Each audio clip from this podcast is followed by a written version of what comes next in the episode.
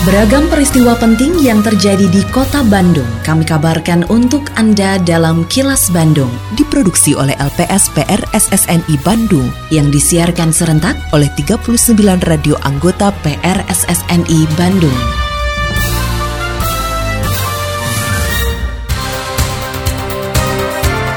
Sejumlah informasi aktual kami hadirkan untuk Anda dan inilah informasi utamanya.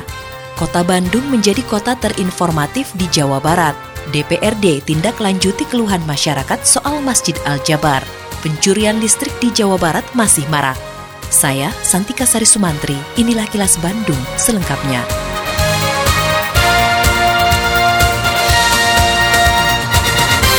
Kota Bandung meraih penghargaan sebagai kota terinformatif dari Komisi Informasi Jawa Barat. Penghargaan yang diraih Kota Bandung sebagai badan publik kategori pemerintah Kabupaten Kota Informatif dalam IMONEF Keterbukaan Informasi Publik pada Badan Publik tahun 2022.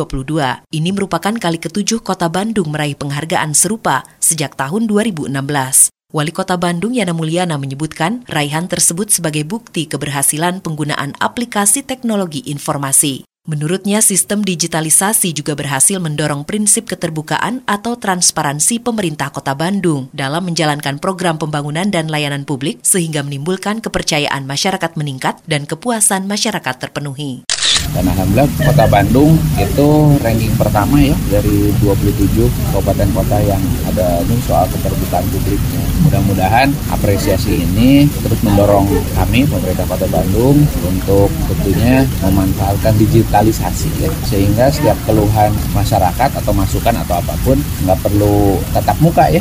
Jadi banyak data-data yang dipublish saja di di web atau di kanal-kanal informasi semua OPD sehingga setiap masyarakat butuh data atau informasi apa pun itu sangat mudah.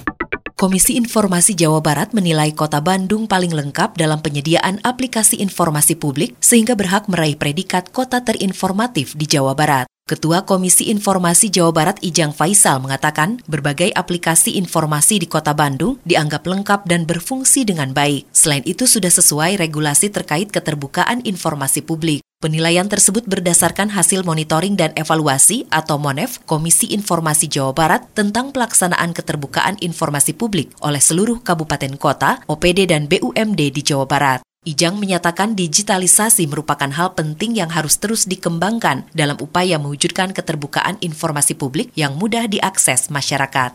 Di tahun 2022 kita melakukan monet seluruh badan publik tingkat kabupaten kota, salah satunya Kota Bandung dan hasilnya Kota Bandung sudah sesuai dengan regulasi ya yang ada di dalam Undang-Undang 1428 terkait dengan keterbukaan informasi publik. Nah, dengan sistem digitalisasi ini ke depan masyarakat tidak mesti lagi secara langsung datang gitu ya. Pak lihat lihat aja di webnya masing-masing supaya juga mendekatkan ya dan memudahkan terkait dengan informasi apa saja yang diminta. Nah, informasi yang harus dipublish itu kan jenisnya banyak, terutama yang berkala ya. Berkala itu harus kemudian update di web e, pemerintah sehingga masyarakat langsung bisa melihat ya terkait dengan informasi apa saja yang ada di pemerintah Kota Bandung. Suara Ketua DPRD Kota Bandung dan politisi PKS Teddy Rusmawan. DPRD Kota Bandung sudah menyampaikan surat kepada Gubernur Jawa Barat dan Wali Kota Bandung agar segera menindaklanjuti permasalahan yang muncul di kawasan Masjid Raya Al-Jabar yang berada di Gede Bage, Kota Bandung. Ketua DPRD Kota Bandung Teddy Rusmawan mengatakan hal tersebut untuk menindaklanjuti aspirasi masyarakat di sekitar Masjid Al-Jabar yang meminta dilakukan pelebaran jalan, pembukaan exit tol kilometer 149, serta penanganan PKL yang sudah semakin banyak. Menurut politisi PKS ini, sebagai solusi jangka pendek bisa dilakukan pembatasan kendaraan secara selektif yang masuk ke kawasan Al-Jabar, terutama pada hari Sabtu dan Minggu karena sering terjadi kemacetan panjang. Menindaklanjuti aspirasi masyarakat pada tanggal 25 Januari 2023 yang lalu dari sekitar Masjid Al-Jabar, kami DPRD Kota Bandung telah menyampaikan surat kepada Pak Gubernur dan Pak Wali Kota untuk segera menindaklanjuti permasalahan yang muncul di kawasan tersebut. Seperti segeranya dilakukan pelebaran jalan, kemudian juga pembukaan eksil tol 149 yang cukup mendesak, dan juga penanganan PKL yang sudah semakin banyak. Dan hal yang perlu segera dilakukan dalam jangka pendek adalah pembatasan kendaraan yang masuk ke kawasan Masjid Al-Jabar. Pembatasan ini harapan kami adalah pembatasan selektif, baik itu pembatasan jenis kendaraannya maupun juga waktu melintas kendaraan, khususnya di hari Sabtu dan Minggu di mana terjadi kemacetan yang panjang. Untuk itu, sekali lagi kami meminta kepada Pemkot dan Pemprov melalui Dishub, kemudian juga kepolisian dan aparat kewilayahan untuk bisa melakukan pembatasan selektif tersebut. Sehingga seluruh masyarakat dan pengunjung bisa merasakan kenyamanan di kawasan Masjid Al-Jabar. Kini, audio podcast siaran Kilas Bandung dan berbagai informasi menarik lainnya bisa Anda akses di laman kilasbandungnews.com.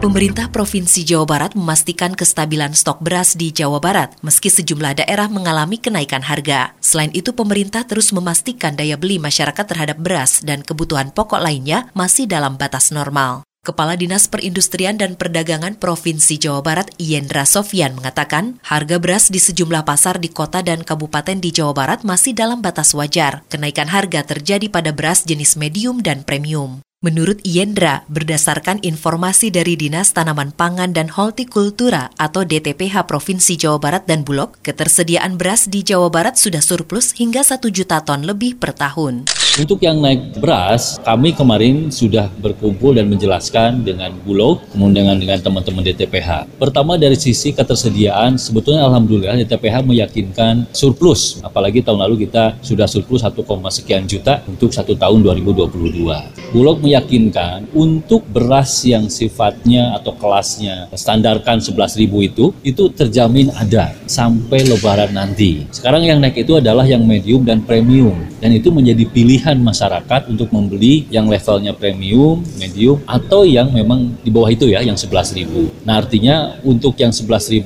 ini Bulog meyakinkan aman khususnya di Jawa Barat.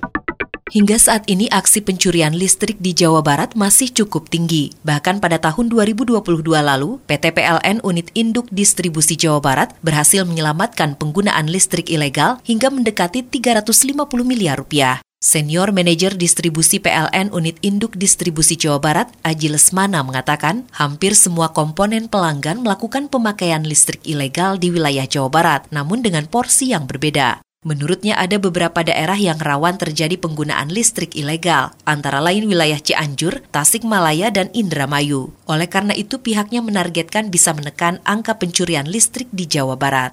Angka pencurian di Jabar ini adalah yang tertinggi sejauh Madura Barat. Kalau dilihat dari rupiah, yang kita bisa selamatkan ya. Potensi kehilangannya, kasus kita itu tertinggi kedua sejamali di angka 6,5 persen. Artinya potensi pemakaian listrik ilegal di Jabar itu masih sangat tinggi. Tahun ini kita targetkan satu setengah kali lipat lah, hampir dua kali lipat dari tahun lalu. Kalau angkanya 6,5 persen itu harusnya Jawa Barat mungkin bisa di angka 5 atau 4 persen ya.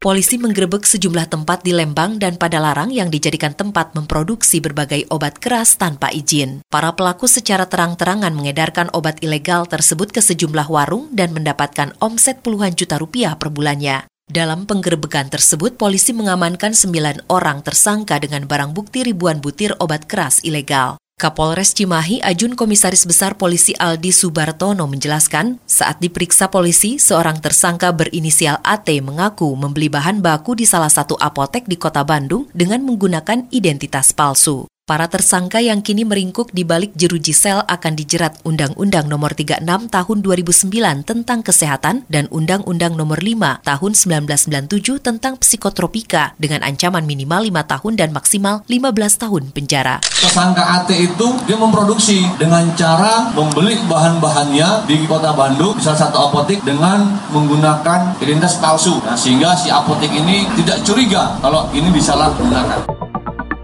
Tetap patuhi protokol kesehatan sebagai kebiasaan baru dalam berbagai aktivitas karena pandemi COVID-19 belum usai. Dapatkan dosis vaksin COVID-19 secara lengkap untuk meningkatkan antibodi dan efektivitas vaksin di dalam tubuh.